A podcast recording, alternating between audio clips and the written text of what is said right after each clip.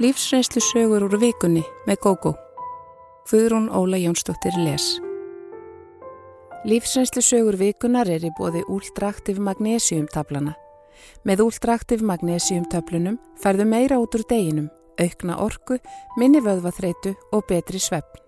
Úldraktiv magnésiumtöflunar fást í öllum helstu apotekum landsins. Maður á þínum aldri?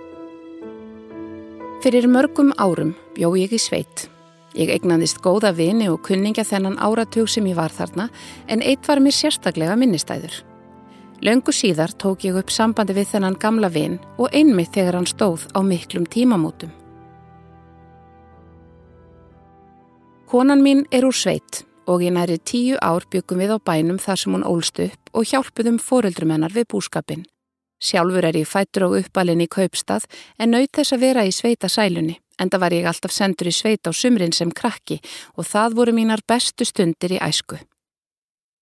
Þegar tengdafóreldrar mínir ákvaðu að hætta með búskapin, þrátt fyrir að vera enn á besta aldri, spurðu þau okkur hjónin hvort við vildum taka við. Ég var svo litið spentur fyrir því, en konan mín alls ekki. Yngsti bróðir hennar tók við búinu þótt hann væri ansi ungur, en við hjónin fluttum til Reykjavíkur. Á meðan við byggum í sveitinni kynntist ég Jóhanni sem bjó á þéttbylista þarna nálegt og okkur varð vel til vina. Jóhann átti fallega eiginkonu sem var æsku ástinnans en hjónabandi var þó ekki dans á rósum. Konan hans var hörði í skapi og leiðinleg með víni, svo vægt sé til orðatekið. Á einu af fyrstu börlunum sem ég fór á þarna var ég vitni að leiðinlegri uppákomu sem tengdist henni. Hún var orðin ansi vel drukkin og einhver tíma eftir miðnætti sá ég hann draga konuna sína úr örmum annars manns en þau höfðu verið í ástarleiki skoti í fatahenginu. Þau blöstu ekki við en Jói vissi greinilega hvað ætti að leita. Hann virtist salla rólegur, sagði henni bara að þau væruð að fara heim og hlustaði ekki á mótmæli hennar og svívirðingar. Lúpulegur elskugin let sig hverfa hratt. Þetta var vist ekkert einstæmi og fólk hafði mikla samúð með Jóa. Mér hefur skilist að konan hafi átt erfiða æsku, glýmt við þunglindi á fullorðinsárum og stundum leiði rúminu dögum saman. Á þessum tíma ríkti lítill skilningur á andlegri vanhilsu. Konan fekk róandi liv og sveplif sem að láti döga. Ég var neykslaður á henni á sínum tíma en neykslunin hefur breyst í samúð. Fólk er opnara en áður fyrir varðandi andlega líðan sína og það sem áður þótti skammarlegt eins og að leita til sálfræðings er það ekki lengur. Konan að sjóa var ekki nema 55 ára þegar hún lést. Hún hafði verið veikum hríð og gengið á milli lækna án árangus. Henni var endalust ráðlagt að fara í gunguferðir, reyfing myndi gera henni svo gott. Loks var hún greint með krabba minn, en þá var það orðið of seint. Þau hjónin áttu saman tvö börn, són og dóttur. Mér hefur skilist að sískinunum og mömmu þeirra hafi ekki komið sérlega vel saman og þau oft látið hann að heyra það fyrir að vera léleg móðir en allt slæmt glemdist við andlát hennar sem sískinin tóku mjög næri sér. Ekki laungu eftir að Jói varð ekkil hittumst við og höfðum þá ekki sérst í rúm 20 ár við ákváðum í kjölfarið að halda sambandi eftirleiðis. Mér fannst gott í honum hljóði þá og enn betra daginn sem hann ringdi mig nokkrum árum setna og sagðist hafa hitt konu sem hann væri bálskotin í.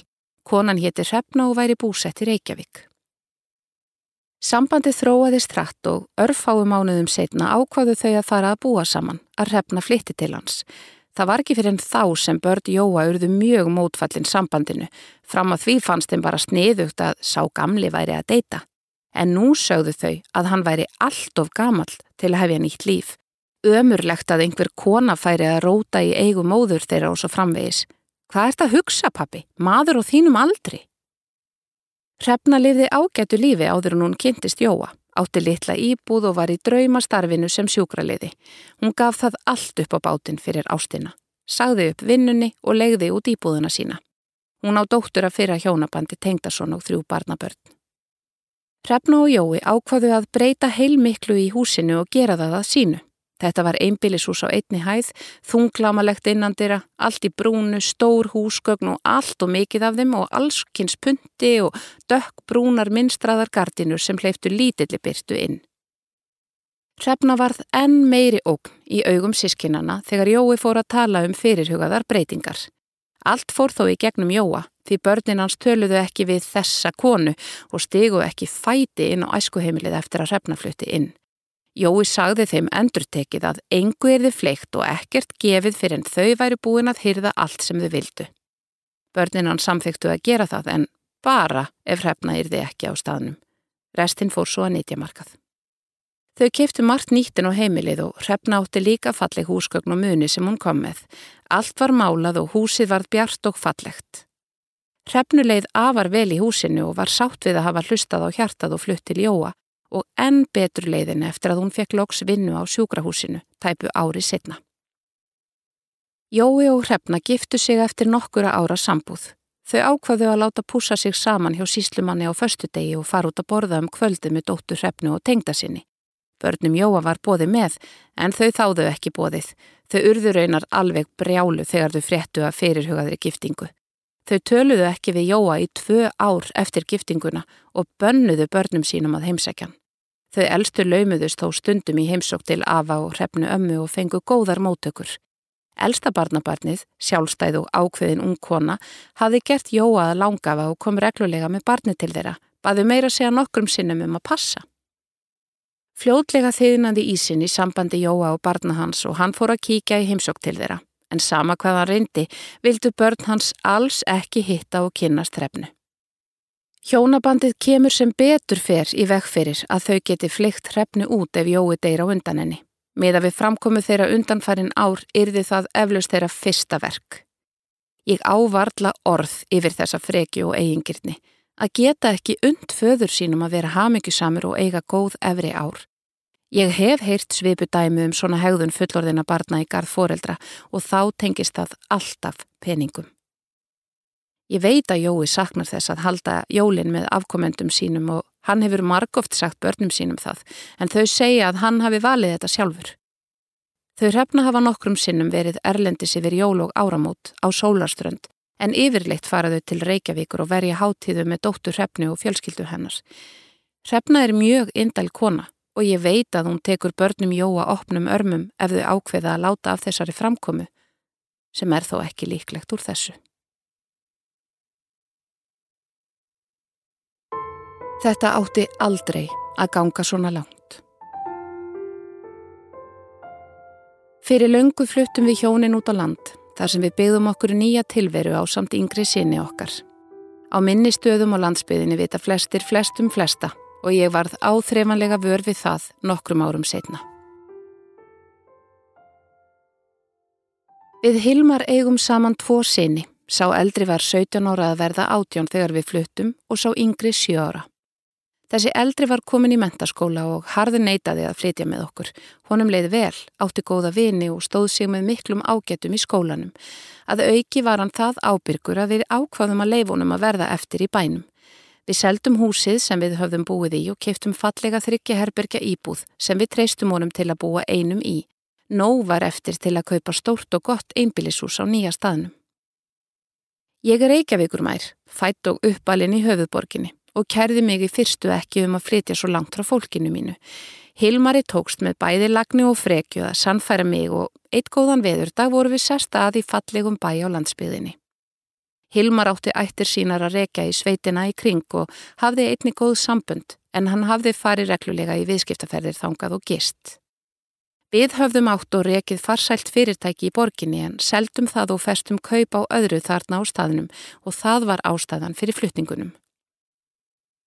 Það að vera atvinnureikandi gaf okkur ábyggilega gott forskot varðandi það að kynnast fólki og við eignuðumst fljótt góða vini og kunningja.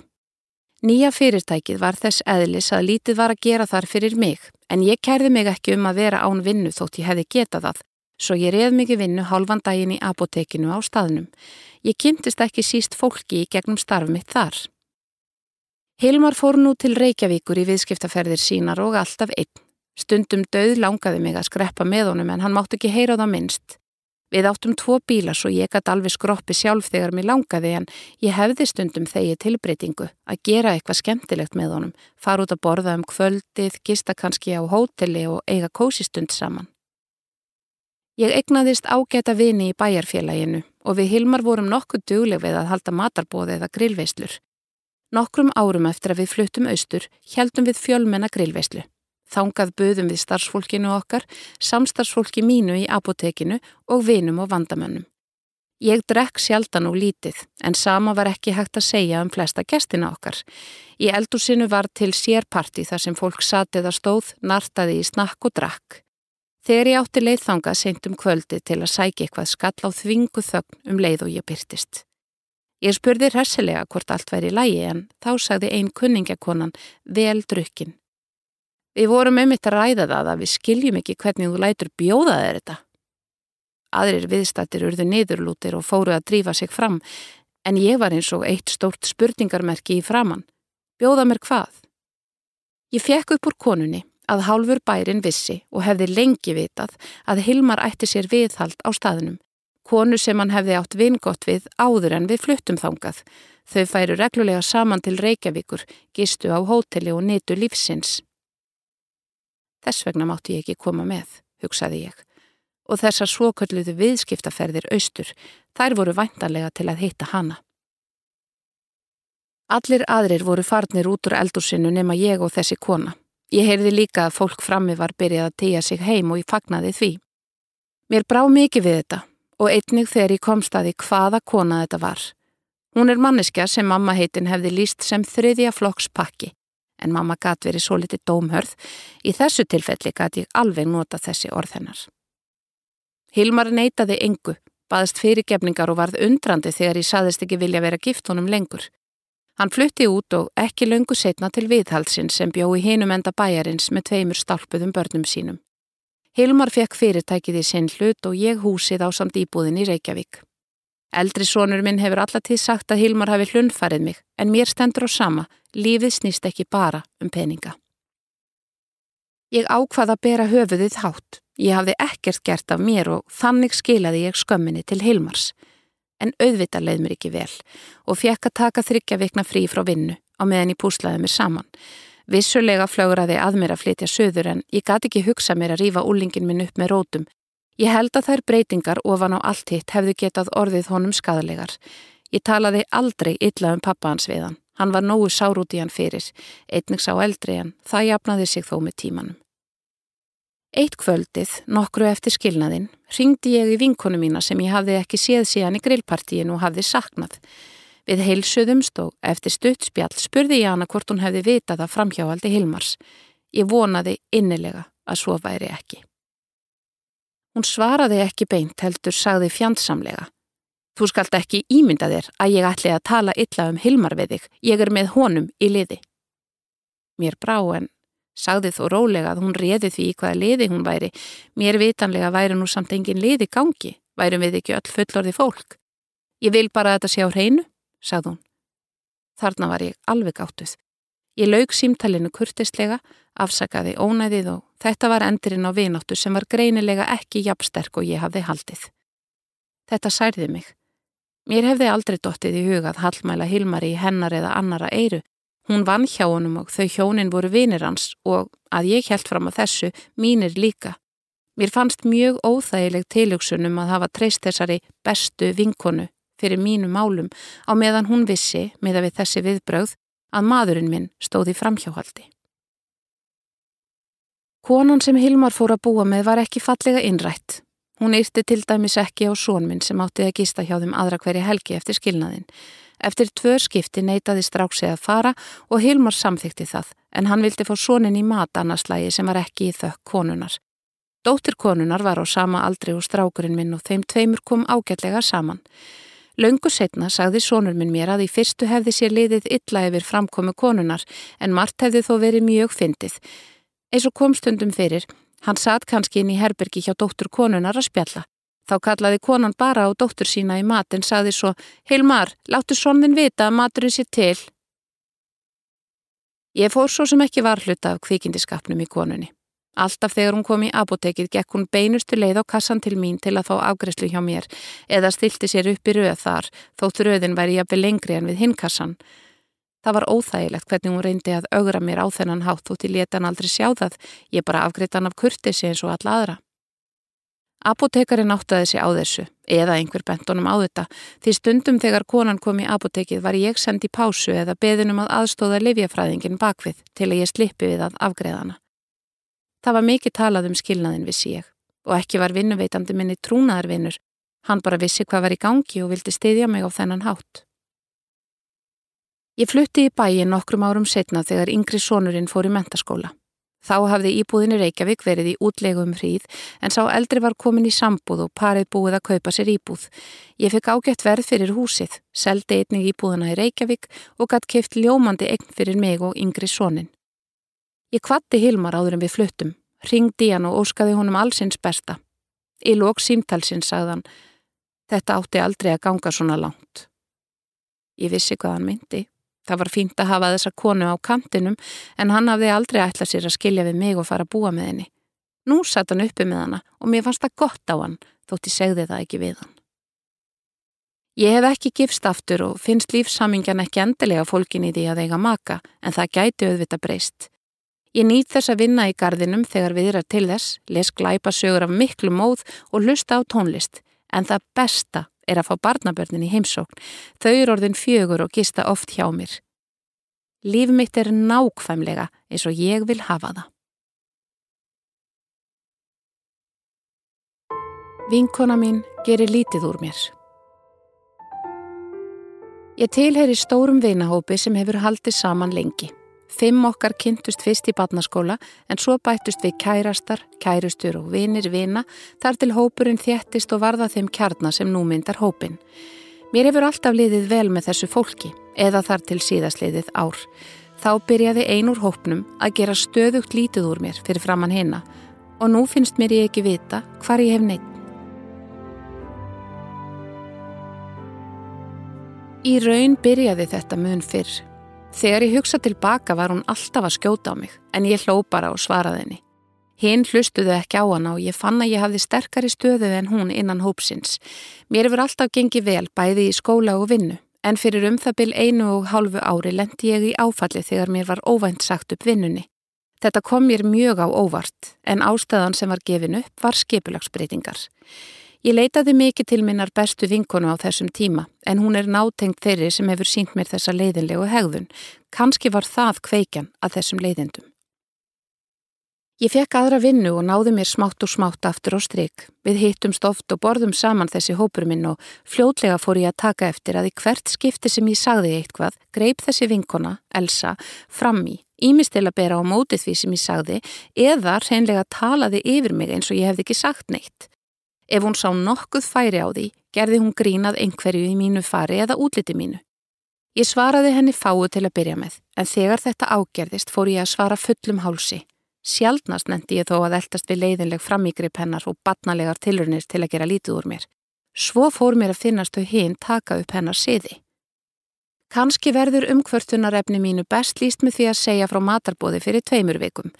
Við komum saman heima hjá einum af strákunum og ég fór að segja fyndna sögu af samstarfsmanni mínum.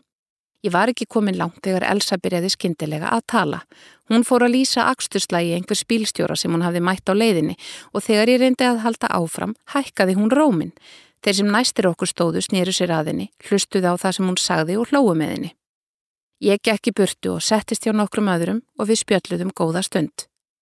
Rétt áður en við stóðum upp til að ganga að matarborðinu nefndi ein af stelpunum bók sem hún var að lesa og fannst góð. Ég hafði lesið hana líka og sagði mér hefði þótt endurinn óveinulega góður og rakti hvernig ég tólkaði hann. Elsa kallaði þá yfir stofuna. Nei, þetta er ekki rétt, það var alveg augljóst að þetta fór á allt annan veg. Konurna sem ég hafði verið að tala við eftir aukslum og löpuðu purtu. Anna hvort hafa þeir ekki nefnt að standa í þrætum eða fundist ég hafa sagt eitthvað heimskulegt. Svona gekk þetta allt kvöldið og mér var farið að líða mjög illa. Ég fór snemma heim og hef ekki hitt hópin minn síðan. Í raun var ég farin að velta fyrir mér hvort ég ætti heima í þessum hópi. Ég ringdi í bestu vinkonuna eftir þetta kvöld og rætti við hana um upplifin mína.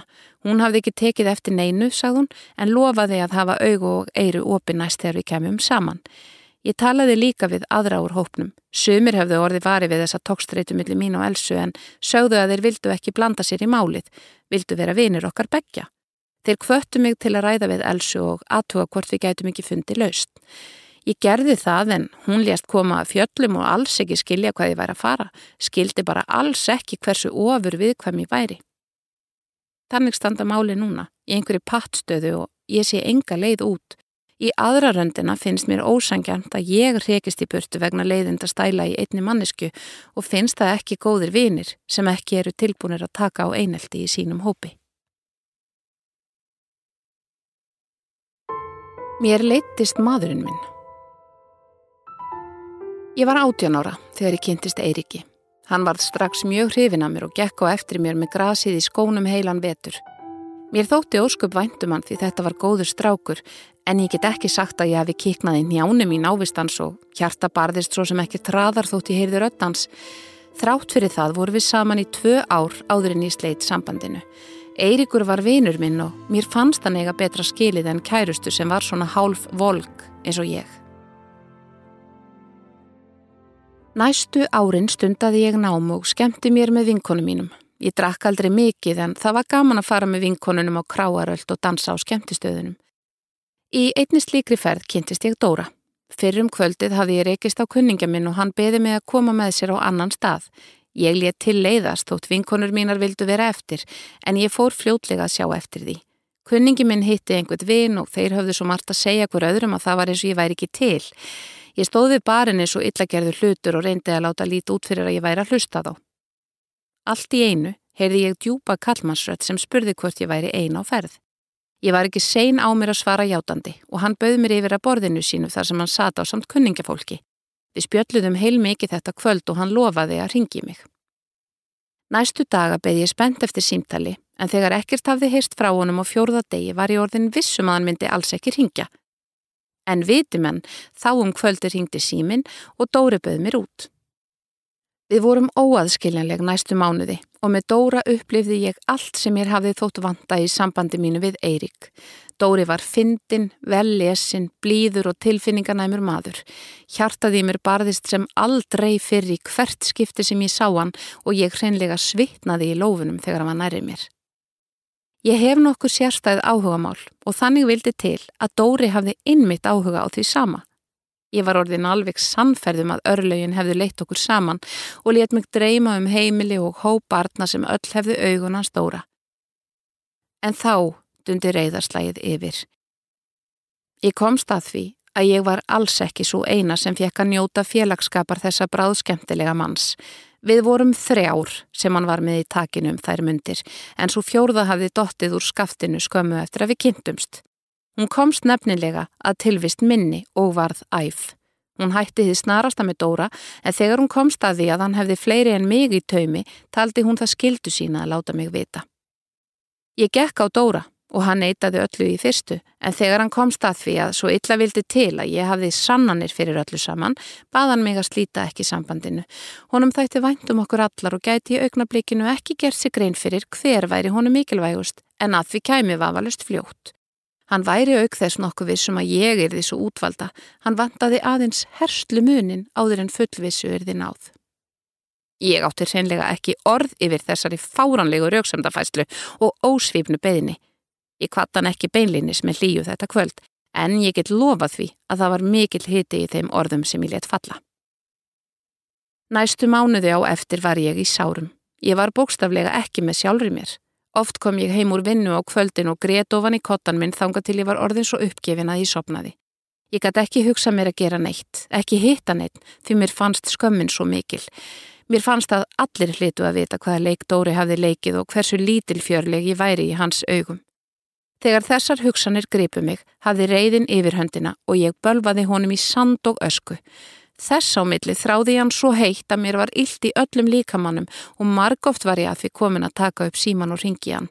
Ég var á þeim stundum tilbúin að ganga að afarkostum hans bara til að fá að vera hluti af kvennabúrinu ögn lengur. Þegar mér leið sem verst fór Eirikur vinur minn að ringja í mig aftur. Hann hafði alltaf haft samband við mig af og til en þegar hann fretti hvað hafði komið fyrir vildi hann hjálpa. Eirikur varð haldreipu mitt í eimdini og volæðinu og það var yðurlega tilhugsunin um hann og ástans á mér sem var til þess að ég hætti við að ringja í Dóra. Það leið heldur ekki á löngu áður en við Eirikur vorum farin að vera saman aftur. Ég held að hann Eirikur minn hafi verið fættur miðaldra. Ég var enn unga þessum árum, vildi skoða heiminn, skemta mér og njóta, en hann var með framtíðina skipulagða út í istu æsar. Hann trúði mér fljótlega fyrir því að hann væri að sapna sér fyrir húsi. Hann vildi að ég gerði slíkti sama og við söpnuðum saman fyrir draumahúsinu. Hann hafði engan áhuga á að fara út á lífið og skemta sér. Það var peningaðisla og tímasóun. Mig langaði að upplifa eitthvað skemmtilegt. Ég reyndi ofta að draga Eirik út með mér, ekki bara á skemtanir, heldur í ferðalög, í rættina eða á menningarviðbyrði, en hann hafði engan áhuga. Allt slíkt var að hans mati peningasóun og senkaði bara deginum þegar við gætum fest kaup á húsinu góða. Marg oft var ég komin á fremsta hlun með að slíta sambandi okkar Eiriks en einhvern veginn varða aldrei neitt úr því. Hann hafði sagt mér að hann elskaði mig og mig eina og þegar ég sagði honum upp í fyrra sinni sagðist hann hafa verið niðurbrotin maður. Það eina sem hefði haldið honum gangandi hafi verið voninum að við tækjum saman aftur. Ég gati einhvern veginn ekki hugsa mér að særa hann svo djúft aftur en það hafði ég sjálf upplifað þann sásöka sem óendurgoldin ást hefur í för með sér og óskaði engum þess sama. Árin liðu einhvern veginn og ég reyndi að bæla óanæju mína eftir bestu getu. Ég átti mínar skemmtilegustu stundir í vinnunni og var þar eins oft og lengi og ég gatt og var því fljóta að vinna mig upp. Að því komað Eirikur taldi að við hefðum sapnað nóg upp í draumahúsið og við fluttum inn. Ég hafði í nokkur ár unnið fyrir mun herra kaupi en hann svo það voru aðalega mínir peningar sem lagðir voru inn á spartnaðareikningin. Ég var fegin og glöð þegar við fluttum í nýja húsið og taldi mér trúum að ég erði ánaðari. Annað við þetta á daginn. Eirikur var sá sami í einbílisúsi og hann hafði verið í leigu íbúð. Ég held áfram að reyna að finna fyrir ást og samstöðu með þessu manni en það eina sem ég fann voru yfir þyrmandi leiðindi og svo tilfinningi jógst frekar en mingaði með árunum. Ég stundaði ótal áhuga mál og námskeið á fullu til að losna við að vera nálagtónum og dag nokkur gerði ég mér grein fyrir að þessu yrði að ljúka. Það kostaði mig mikil átök að losa mig út úr sambandinu, en ég gerði það. Flestir vina okkar og fjölskylda Eiriks eiga ekki orði vir hversu grimm og vond ég var við þetta gæða blóð og ég fæ yðurlega að heyra að ég hafi sært hann hólundar sári. Auk þess hafa hann og tengdamóður mín verið óspur á að segja öllum hversu illa ég fjefletti hann með því að krefjast helmings eignana. Til allrar lukku hafði ég gengið þannig frá að allt sem við eignunumst í sambúðinu var skráði jamt á bæði. Þótt Eirikur ætti sparna þegar við kynntumst var það ekki stór upphæð og hún fór ekki að vaksa fyrir en ég fór að draga Björg í bú. Ég ber því höfuðið hátt og keri mig kollóta um slúðrið. Það er dásamlegt að vera laus og ég ætla að sjá til þess að mér leiðist ekki framar þótt að þýði að ég muni búa einn það sem eftir er. Let algan stjórna mér allt of lengi. Þetta byrjaði allt mjög vel og saklýsislega. Ég var að koma úr sjö ára ágætti sambandi, var einstað með eitt líti barni minni eigin íbúð og ágætlega stæð. Barsfæðir minn var óvirkur algi og hafði verið edru í nokkur ár þegar við kynntumst. Ég saknaði þess pínu lítið að fá mér auðvin og osta á fallegum kvöldum og bjór við grillið. Mér langaði því ekki að ná mér í alka aftur. En þessi stað náði ég mér í byllandi alka, ómeðvitað sem alls ekki var ætlunin. Líf mitt stjórnaðist af alkanum og hans skapgerðar brestum. Það tók mig 19 laung ár að sjá það og hafa styrkin til þess að stíga út úr því sambandi. Þegar við kynntumst var ég ekki á leiðinni í samband. Hann náði hins vegar að heitla mig upp úr skónum enda mikil sjarmur. Við kynntumst í júni og hann var fluttur inn til mín í september. Þegar við byrjuðum að deyta sagðan mér að hann ætti þessa fínu íbúð í laugardalnum. Ég kom oftangaði í þessa glæsilega innréttuðu og fallegu íbúð en í ljós kom að hann átti eiginlega bara fötinn sín í póka og legði þessa íbúð með öllu innbúi. Ég vissi það ekki fyrir hann rétt fyrir jólinn og ofan á þetta skuldaði hann hellingi meðlög og skatta. Fyrir mig, sem var með allt mitt á hreinu, var þetta fyrsta sjokkið. Hann átti þrjú börn fyrir með tveimur konum, Önnur mamman vann vaktavinnu og við fengum því börnin til okkar eftir því hvernig hennar vaktir voru og það fannst öllum bara í lægi. Ég fussaði oft og yðurlega yfir þessu því það var engin regla. Ég þótti þá mjög frek, tillitslaus og stjórnsum og ótrúlega leiðinleg en það skal teki fram og ítrekað að þarna var hann flutturinn á mig í mína íbúð. Tveimur árum eftir að við byrjum saman fór hann í sínu fyrstu meðferð. Við höfðum reynd að tala við prest en maðurinn mætti fullur á bílnum og sagði bara við prestin að ég væri stór skrítin, ég væri geðveik en það orð notaði hann svo oft um mig að undir það síðasta var ég farin að trúa því að það væri eitthvað mikið að mér. Hann helt við fram þarna fyrir fram hann prestin að það væri ekkert að honum en presturinn sagði við mig eftir að hann var farin að ég væri mun betur sett einn. Mér fannst hún nú freka lélugur aðgjafi. Þetta var ekki það sem ég vildi heyra. Nokkrum dögum setna komst ég að því að ég væri ólétt og ákvaða að fara í fóstureyðingu því ég sá ekki framtíðana með þessum drikkjur út og hann hafði þá látið sér hverfa í nokkrar vikur. Eftir að hafa talað við félagsrákjafa ákvað ég að fara í þessa aðgerð. Ég reyndi stöðugt að ringi hann en hann svaraði ekki. Samiðilegur vinur okkar reyndi líka ná í hann. Ég mann þegar vinur okkar ringdi mig og saði mér að hann næði ekki í hann. Þá lág ég inni á kvennagangi að fara í þessa hræðilegu aðgerð og greiðt sárum gráti og hef gert alla tíð síðan. Ef ég hefði rætt þetta við einhvern hefði ég líklega ekki látið eigða fóstrinu. Ég hins vegar skammaðis mér svo mikið fyrir þessa stöðu og að láta fara svona með mig. Ég bara gat ekki hugsa mér að eiga framtíð með þessu manni. Þarna hafði ég tækifæri á að fara frá honum en hann skellti sér í meðferð og ég tók við honum aftur. Síðar eignuðust við saman tvö börn. Hann fann sér endalus verkefni út á landi og ástæðan var einföld, hann gæti þá drukkið í friði. Hann gæti að haldi sér edru í nokkrar vikur eða mánuði en fann svo leið til að komast burtu. En það sorglega við þetta allt var að ég vissi aldrei neitt. Fyrir mér var hann hættur. Ég var svo ótrúlega græn. Drikki og dópi fylgja oft konur og hvenna far hjá körlum og auðvita var hann með ótal konum. Ég komst að sömu af hans framhjóhaldi en fretti af öðru laungu síðar. Við byggðum upp fyrirtæki út á landi og hann var edru í tvö ár meðan á því stóð. Algjört met. Um leið og opnað var tók hann tappan úr flöskunni og drakk vel það sumarið. Ég kom þangað um helgar allt sumarið eins og sjúkraliði og reyndi að bjarga því sem bjargað varð. Á sama tíma var hann í samskiptum við hinar og þessar konur og var með margar í takinu. Þetta endaði enn einni meðferðinni en eftir hanna legði hann sér íbúð því ég ætlaði ekki að taka við honum aftur. Samt voru við alltaf að hittast, rákum saman þetta fyrirtæki, sváum saman og gerðum allt saman. Ég vissi hins vegar ekki að í meðferðinni hafði hann hitt konu sem var reyndargift og þau áttu í sambandi. Ég frétti þetta þegar maðurinn hennar ringdi mig og krafðist þess að ég borgaði tilbaka eitthvað sem konarnas hafði borgað fyrir minn mann. Þá ákvað ég að stíga skrefið og setti húsið á sölu. Það seldist en allan tíman var hann í brennivins og dópmarineringu en kom þegar við fluttum og hjálpuð okkur að tæma. Hann tók fyrirtækið og ég kefti mig litla íbúð.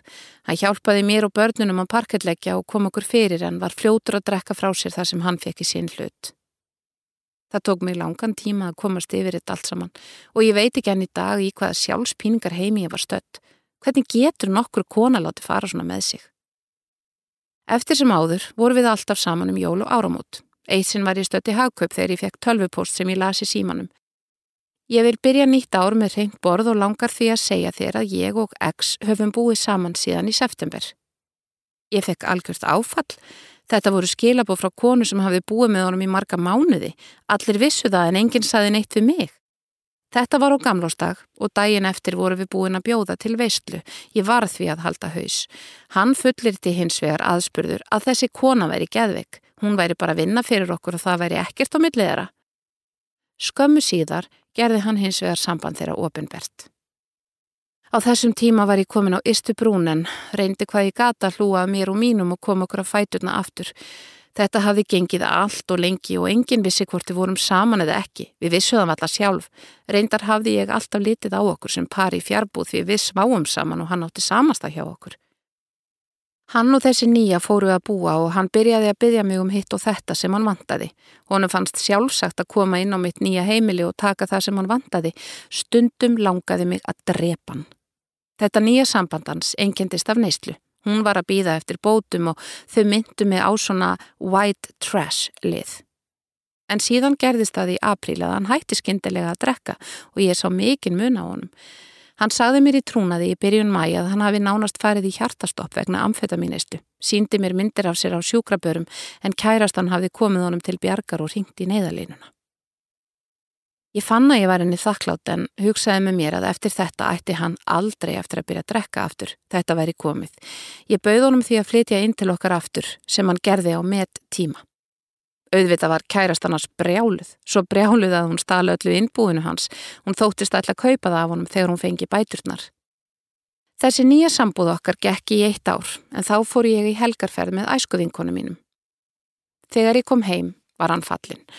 Hann þrætti fyrir það í fyrstu en ég var orðin eins og hasshundur. Ég vissi það á undan honum þegar falli væri vændum.